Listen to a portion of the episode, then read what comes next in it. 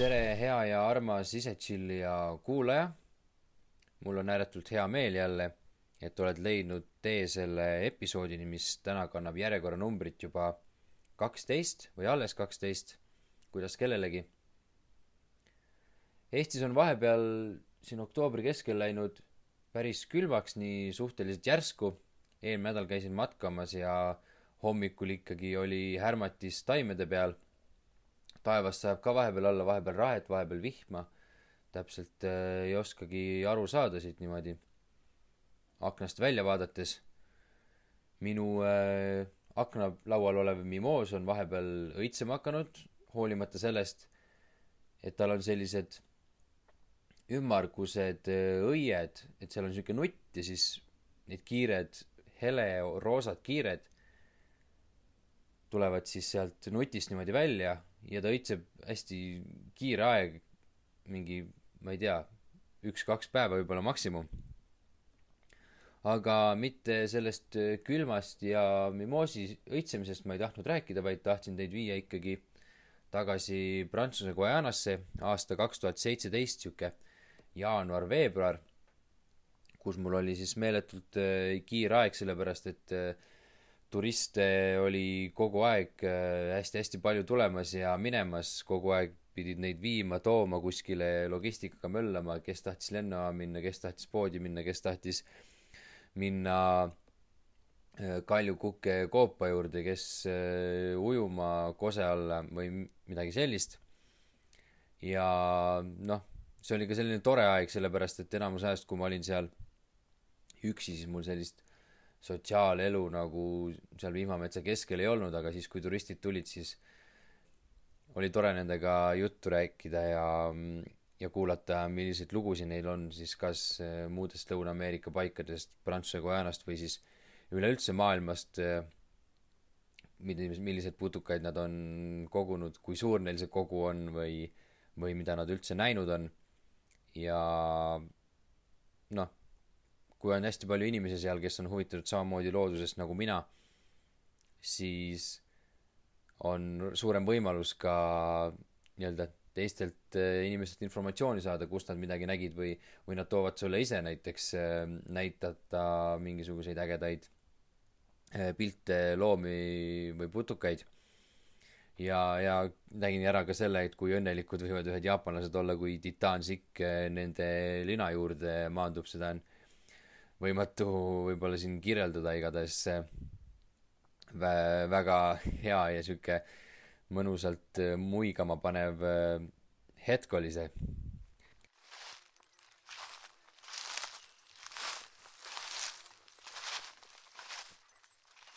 inimeste juurde me jõuame tänases episoodis kindlasti veel tagasi, aga praegu mulle meeldiks eh, teile rääkida hoopis mõnest ehm, kohtumisest mõne ägeda ja uue loomaga, keda mul siis oli esimest korda tore ja äge kohata ja ja praegu võib-olla teil on ka huvitav nendest eh, midagi kuulda ja ja loodan teile luua sealt elava pildi. näiteks üks hommikul, kui ma läksin siis ka samamoodi metsa jalutama noh, niisugune tavaline jalutuskäik nagu ikka, aga siis äh, seal metsarajal või metsatee peal, kus ma siis ikka tavaliselt käisin meie lotsi juures, oli siis niisugune pikk äh, lainjas äh, madu minu tee peal eest oli põhimõtteliselt täpselt tee keskel ees. ja ma ei olnud seda madu vist varem näinud. noh, ma olin sarnaseid madusid näinud, aga, aga täpselt seda liiki vist mitte et see madu kuulus siis äh, metsamadude perekonda, nagu Vikipeedia praegu mulle siin ütles. Ladina keeles kannab see perekond nime siis Chironius. Nad näevad suhteliselt äh, sarnased välja meie Eesti nastikutega ja nad kuuluvadki nastikutega samasse sugukonda. ja no neid Chironiuse ja metsamadude liike on seal siis väga palju, ma ei tea, kümneid, kui mitte rohkem, no erinevat tooni, et ühed on siis äh, mustad pealt, kõhu alt on kollane, mõned on natukene sellised pruunikamad mingisuguse mustriga, aga see, keda mina nägin, oli selline hallikas, natukene võib-olla pronksikarva, suhteliselt väike madu, ma ei tea, äkki seitsekümmend sentimeetrit pikk. ja miks ta oli seal minu jalge ees niimoodi vaikselt laines, on see, et eh, paljud nendest metsamadudest, kui mitte kõik, kui nad eh, tunnevad ennast ohustatuna, et nad on stressis, siis nad tõmbavad enda keha niimoodi mõnusasse lainesse nagu mingi, kui te võib-olla gümnaasiumiajast mäletate, siis sinusoid või siinuse graafik on umbes samasugune, päris ideaalne sihuke, kõik on nagu äh, täpselt välja arvutatud, joonistatud. Et äh, ei ole seal mingisugust anomaaliat, et üks, äh, see kaar on suurem kui teine või midagi sellist. igatahes äh, ja siis ma hakkasin seda madu siis äh, oma kaameraga filmima, hakkasin sealt niimoodi pea juurest pihta,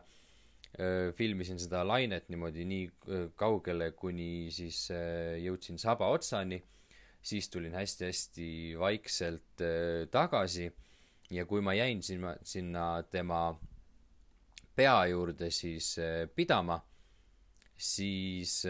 juhtus selline asi, ma hoidsin seal mingi kaks või kolm sekki aga selle aja jooksul Madus suutis ennast nii kiiresti ümber organiseerida, ta pööras pea minu poole ja tegi sellise salvamisliigutuse. Õnneks ma hoidsin kaameralt äh, tagantpoolt kinni, ehk siis tema suutis ainult hammustada minu seda kaamerat, minuni ta ei jõudnud ja see on esimene kord, äh, kui madu niimoodi proovis mind seal Prantsuse Guajanas äh, hammustada. seekord äh, vedas mul, et ei saanud hammustada, aga noh, ega kuna ta on niikuinii mittemürgine madu, siis vaevalt valust midagi hullemat oleks juhtunud, aga see oli esimene kord, kui jah, selline äge ja või, või sihuke ootamatu moment tekkis ja päris crazy pärast ma vaatasin ka muidugi kaamera pealt, kui kiiresti see liigutus äh, tegelikult siis käis ja millal ta tekitas selle momendi, et ta nüüd tuleb ja, ja sirutab ennast minu poole välja. pärast isegi panin aegluupi ja vaatasin, et, et äh, päris lahe, ma loodan, et ma selle video saan ka äh, kuskile Instagrami või Facebooki üles vaadake, et otsige üles ise chill'i ja Instagramist või Facebookist ja ja siis näete ka vanu pilte ja, ja uusi pilte, et sinna iga kord äh, osavõrdadega pildid tulevad. vot selline natukene sihuke ärev ja, ja mõnus äh, moment. et järgmine kord kindlasti olin võib-olla natukene targem ja teadsin, kui, kui kiirelt see asi kõik tegelikult käia võib. nii, aga lähme nüüd vaikselt ka järgmise mao juurde, keda mul siis õnnestus äh, sellel ajal kohata. nimelt üks öösel ma hakkasin minema oma tavalisele Äh, rännakule, või noh, rännak on palju öeldud, lihtsalt väiksele matkale jälle sinna oma radade juurde lotsi ümber, et öö, äh, otsida erinevaid olendeid, keda näha võib. ja siis ma astusin põhimõtteliselt lotsist äh, välja, ma ei tea, viisteist meetrit äkki ja siis ma nägin, et meie hoovis ühe palmi otsas on sihuke samamoodi väikene punane täpike, mis mulle vastu särab ma järjest läksin lähemale ja siis vaatasin, et äh, puu otsas on üks äh, madu ennast sinna niimoodi vaikselt äh, sättinud. ja selle mao nimi on siis Amazon Tree Boa või, või mõned kutsuvad ka Amazon Garden Boaks. ta oli muidugi üsna päris kõrgel, mingi kolm-neli meetrit kindlasti, et ma väga lähedalt teda näha ega pildistada ei saanud. aga nendest üldse Amazon triipoadest rääkides, et neil on meeletult palju erinevaid äh, värvipalette, aga nad on kõik tegelikult üks liik, et neid on selliseid äh, hallikaid äh,, tumehallikaid, pruunikaid tooni, et neil on mingisugused mustrid seal samamoodi peal, mingisugused rõngad, mingisugused kuusnurgad, triibud, või siis on samamoodi niisugused mustad hallikad, seal vahel on mingisugused punakad, äh, pruunid äh, jooned, et ma olen näinud vist kahte või kolme niisugust erinevat, erinevate mustritega äh, seda paad, aga jah, huvitav, et nad on kõik üks liik. pigem öeldakse, et need loomad on või need maod on siis just nagu agressiivsemad ja olen siiski ka näinud, et nad, kui ma olen neid mõnikord veel hiljem näinud, siis nad üritavad äh, teha sellist salvamisliigutust, aga üldiselt see võib-olla on rohkem pigem ähvardamiseks kui ka, kui tegelikuks äh, hammustamiseks. ja võib-olla nagu te kuskilt, ma loodan, et olete kuulnud, siis äh, poad ei ole mürgised, aga noh, hammustus äh, võib valus ikka olla, neil on päris äh, pikad ja, ja nõelteravad hambad. ja nagu nimigi ütleb, Amazon Garden Bois, et siis neid ongi hästi palju hoovides, et nagu nä-, selles, selles olukorras siis ta oli meie lotsi lähedal seal palmi otsas, samuti äh, on neid olnud näiteks äh, köögis või, või maja katuse all, et ükskord varahommikul äh, kui ma magasin alles, siis äh, hüütakse mu nime hoovist, ma ei saanud aru, et mis nüüd lahti on läinud, aga aga siis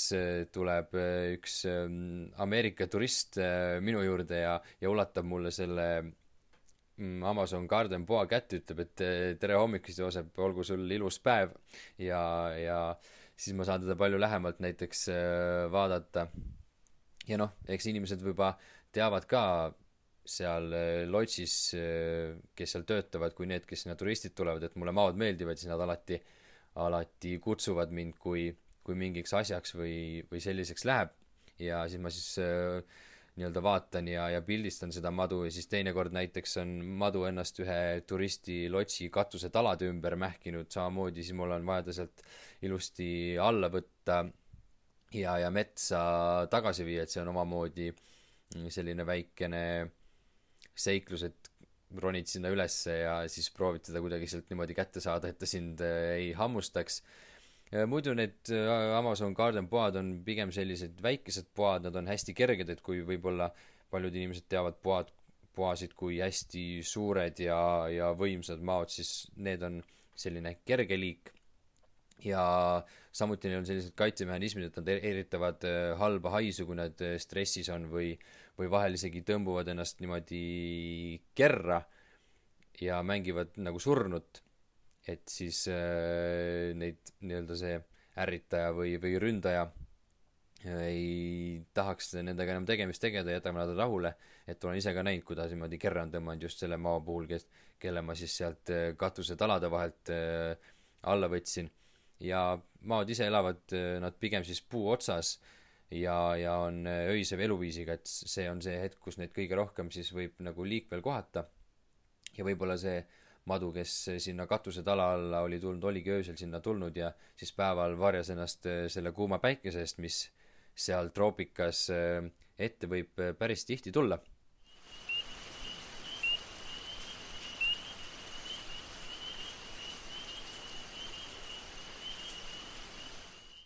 nüüd olen siin natukene rääkinud nendest loomadest, kelle, keda inimesed pigem väga ei armasta, vaid just pigem vihkavad ja kahjuks pean selle teemaga natukene jätkama, sellepärast et järgmiseks lä-, räägime ühest äh, ämblikust, keda ma siis samuti kohtasin öösel oma väikesel äh, jalutuskäigul, kui ma taskulambiga siis metsa alt erinevaid loomi jälle otsima läksin. et äh, ükskord, kui ma siis öösel seal jalutasin, siis mingil hetkel ma hakkasin ka märkama mingisugust suurt-suurt äh, äh, laiku seal tee ääres, just niimoodi taimedest välja tulnud ja seal selle väikse nii-öelda pruunika, oranžika pinnase juures ja see osutus äh, linnutapikuks. ma loodan, et inimesed on seda nime kõik kuulnud, ehk siis tegu on maailma kõige suurima ämblikuga. et ta võib kasvada koos jalgadega umbes tavalise toidutaldriku suuruseks. Ja, ja see teebki ta selliseks ägedaks ja ainulaadseks, jah, ta on hästi-hästi meeletult suur, ta on äh, pruuni värvi, ta on selline karvane, ta selli-, see, kui seal tagakeha on niisugune ümar pallike, siis äh, see kehaosa äh, kus siis jalad kinnituvad, on selline lame ja nagu selline väikeste, samamoodi kiirtega, mille keskel on siis selline auk. ma ütlen ausalt, ta ei ole väga ilus loom, kui peale vaadata, aga see suurus ja, ja, ja selline karvasus ja, ja pruunisus teeb ta selliseks väga ägedaks ja efektseks seal metsa all ja noh, kes ei tahaks näha või kes loodusteadlane või zooloog ei tahaks näha maailma kõige suuremat äh, ämblikut. jah, ja nimi on tal linnutapik siis ja sai nime selle järgi, et kuna keegi kunagi oli siis näinud äh, ühte sellist äh, ämblikku siis koolipriit söömas ja tänu sellele sai ka nime. muidu nad pigem tegelikult linde ei söö aga noh, see suurus ja kõik selline on see, selline, et nad on võimelised seda siis vabalt ka tegema. Et äh, nad muidu ei koo võrku, vaid äh, nemad jahi, jahivad oma siis äh, saakloomi nagu maapinnal ringi kõndides või, või siis oodates ja enamasti kõige rohkem nad suudavad kätte saada siis erinevaid putukaid. Mm, samuti kuuluvad nende toidulauale erinevad konnad, sisalikud ja, ja väiksemad imetajad ka, keda nad siis on siis võimelised kinni püüdma ja, ja salvama. Nendega on selline lugu, et nad ei suuda süüa siis äh, tahket toitu seega nad ootavad või jahivad oma saaki, nad hammustavad oma saaki ja lasevad äh, siis nende mürgihammaste kaudu mürki ja vastavaid siis erinevaid aineid, äh, ensüüme siis ohvri kehasse, mis siis halvavad selle saaklooma ja alustavad siis ohvri siseelundite ja kõike sellise lagundamist. Pärast äh, kõike seda halvamist nad võtavad selle ohvri endaga kaasa, veavad selle ohvri oma urgu, kus ämblikud siis ka päevasel ajal pesitsevad ja, ja varjavad ennast. Ja siis, kui mingi aeg on möödas, siis nad põhimõtteliselt imevad selle ohvri seest selle vedeliku, mis on siis tänu ensüümidele tekkinud, imevad selle nagu tühjaks. põhimõtteliselt võib-olla samamoodi nagu inimene sööks, ma ei tea, tuubis kohupiimapastat eh, või midagi sellist ja, ja see mürk, mis neil on, on tegelikult ainult ohtlik äh, sellistele väikestele loomadele, kes on siis ka nende saakloomad, inimesele see mürk äh, mitte midagi ei tee, et tema hammustus võiks olla võrreldav siis kas siis näiteks herilase või siis vapsiku nõelamisega, et on valus küll, aga, aga mitte midagi väga ei juhtu, välja arvatud kui siis, kui sul ei ole mingisuguseid eelnevaid äh, probleeme oma tervisega. ja nendest ämblikust veel, et et need ämblikud eh, ei näe väga hästi, vaid tajuvad siis ümbrust eh, oma karvakeste abil, mis neil on siis tagakehal või jalgade peal. ja, ja need eh, karvakesed ei ole ainult tähtsad selleks, et nad tajuvad ümbrust, vaid see on neil ka kaitsevahendiks. ehk siis nende, need karvakesed kehal on hästi teravad ja nimelt, kui neid oht ähvardab, siis nad hõõruvad oma jalgu kokku ja nii-öelda viskavad ründajat äh, nende väikeste peenikeste teravate karvakestega, mis siis ärritab ründaja siis silma või nina või nahka või, või suulimast kesta ja, ja see ei ole üldse meeldiv tunne, pole õnneks tunda saanud. aga ilmselgelt äh, ei kõla juba meeldivalt. et vot sellised ägedad ja uhked loomad, et ise püüdsin ka ma arvan, paar kuud hiljem kevadel siis ühe linnutapiku endale ja panin ta siis oma enda ehitatud äh, puuri ja siis kasvatasin teda ja, ja andsin talle ka igasuguseid äh, asju sinna toiduks, konni ja, ja prussakaid, mida mul siis enda lotsist või lähedal asuvatest lompidest õnnestus äh, kinni püüda. Ja mõnikord ka, kui turistidel tulid lapsed sinna ka, siis nad ikka tahtsid, et ma mingisuguse rohutirtsu sinna linnutapiku puuri viskaks ja, ja päris äh, äge oli teda vahepeal niimoodi vaadata, ta on ikka jah, meeletult suur ja siis ja siis, kui ta mingil hetkel paljastab oma need mingisugused sentimeetrised äh, kihvad, mis tal seal tavaliselt peidus on, päris äge vaatepilt. või samamoodi, kui ta on kuskil kivi all päeval ennast niimoodi kokku tõmbanud nagu embaks ennast meeletult kõvasti või tal oleks jube külm, aga ta on, siis ta on selline hästi habras ja, ja tilluke ja, ja, ja selline.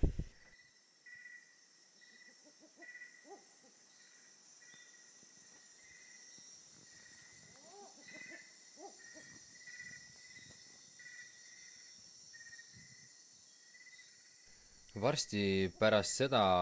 veebruarikuus saabub minu jaoks ka väga tore ja õnnelik päev, sellepärast et lõpuks saan eesti keelt rääkida ka mitte ainult Skype'i ja videosilla vahendusel, vaid vaid päris tõeliste inimestega seal Prantsuse Guajanas, sellepärast et tuleb mulle külla minu vanaonu koos oma elukaaslasega, tulevad sinna vist, ma ei tea, kaua nad olid, poolteist või kaks nädalat, alguses nad ööbivad siis linnas, mu lotsid on turiste täis ja nad ise tahtsid ka olla rohkem linnas seal ranna ääres, chill ida ja ja nautida.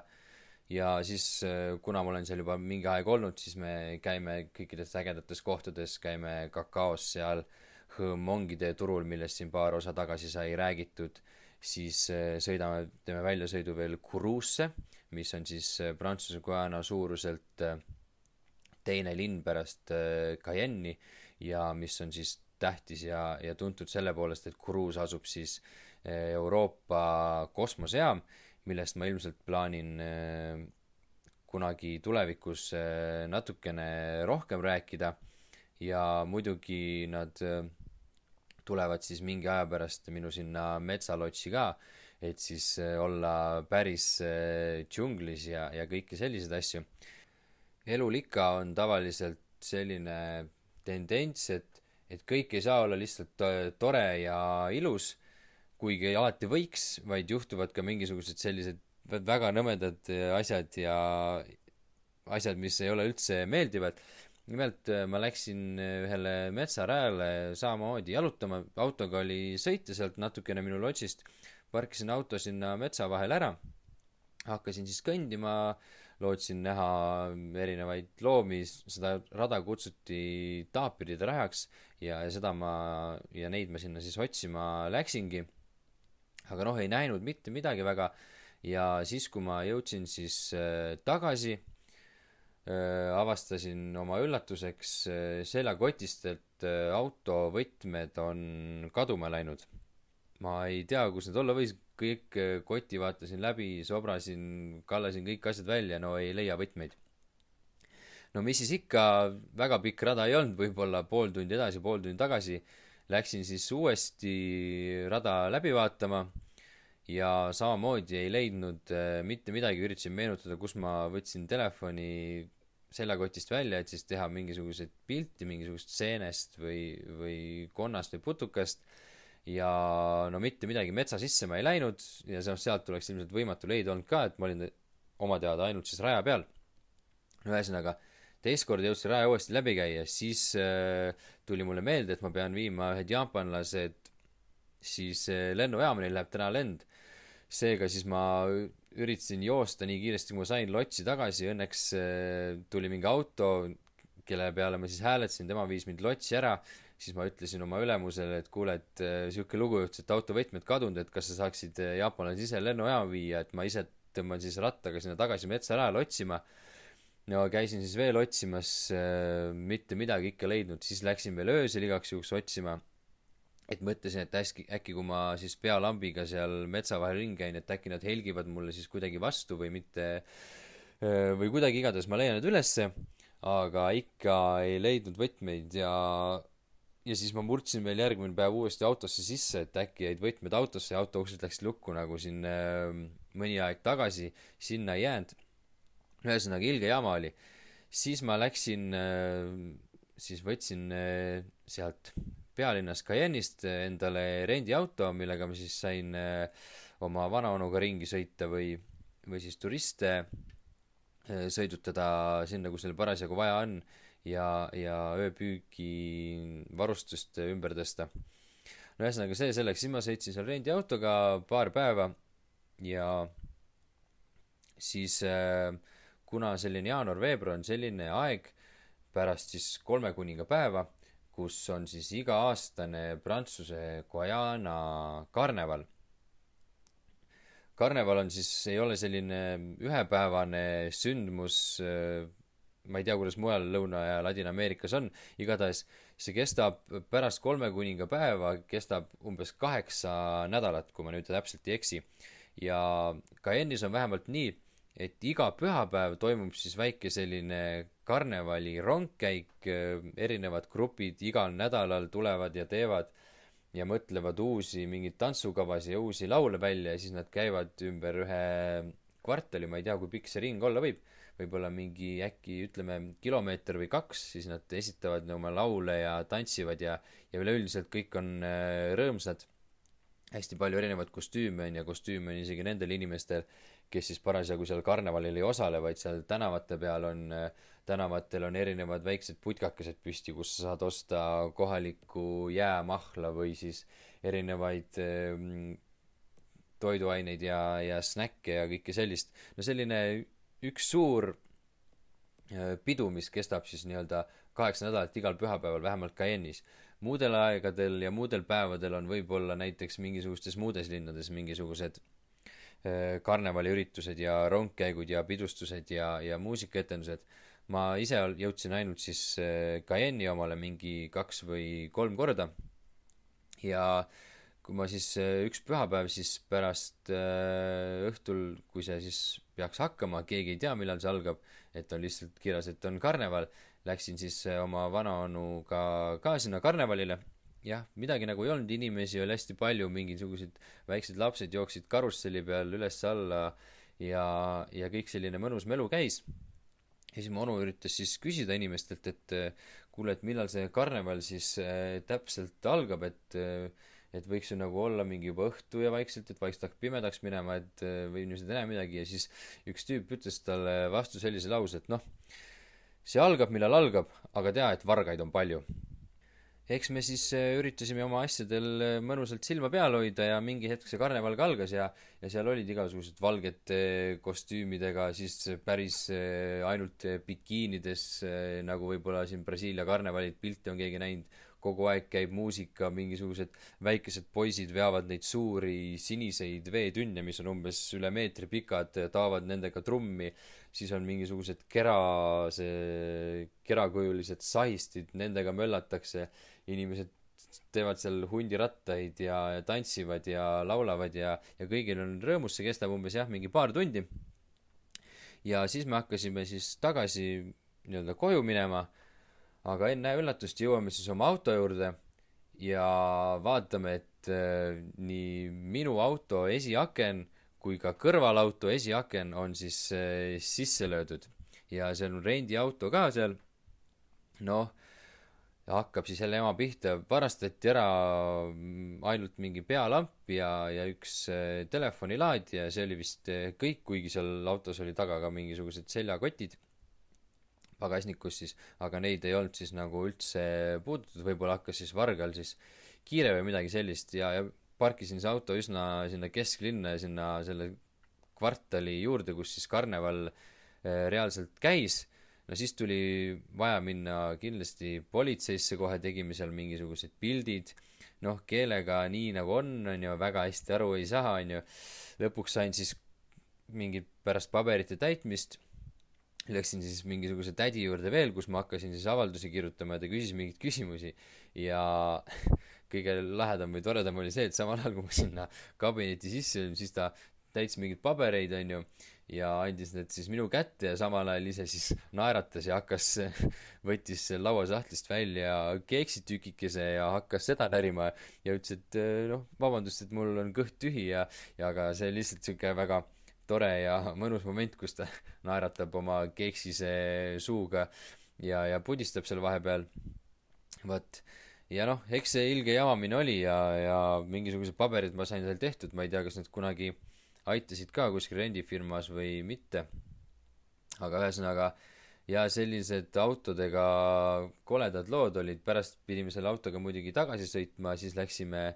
minu vanaonu sellesse hotelli, sealt küsisime pakkekilet, tõmbasime selle pakkekilega äh, akna kinni, sellepärast et äh, et oli vihmaperiood ja kunagi ei teadnud, millal vihm võis äh, siis äh, sadama hakata ja uuesti auto täiesti märjaks pritsida, see oli siis nagu selle juhipoolne aken ka samamoodi. ja siis ma jõudsin siis lõpuks sinna lotsi õnnelikult öö, äh, oma kiletatud öö, aknaga siis no ega mul ülemus väga õnnelik selle üle ei olnud, aga noh, mis siis ikka teha, üld-, üldiselt ta on suht chill. ja noh, praegu sellel hetkel ma ise olin ka suhteliselt frustreerunud ja, ja närvis ja mõtlesin, et no miks nüüd niipidi minema, aga praegu võib-olla isegi natukene meenutad seda sellise mõnusa naljatundega, sest et kõik on eh, ilusti möödas aga ma arvan, et selliste, sellise looga ma siis tänaseks tõmban selle podcasti osa vaikselt kokku. soovin teile mõnusat äh, sügist, palju kollaseid äh, lehti ja olge mõnusad ja kuulamiseni juba järgmisel korral. tšau!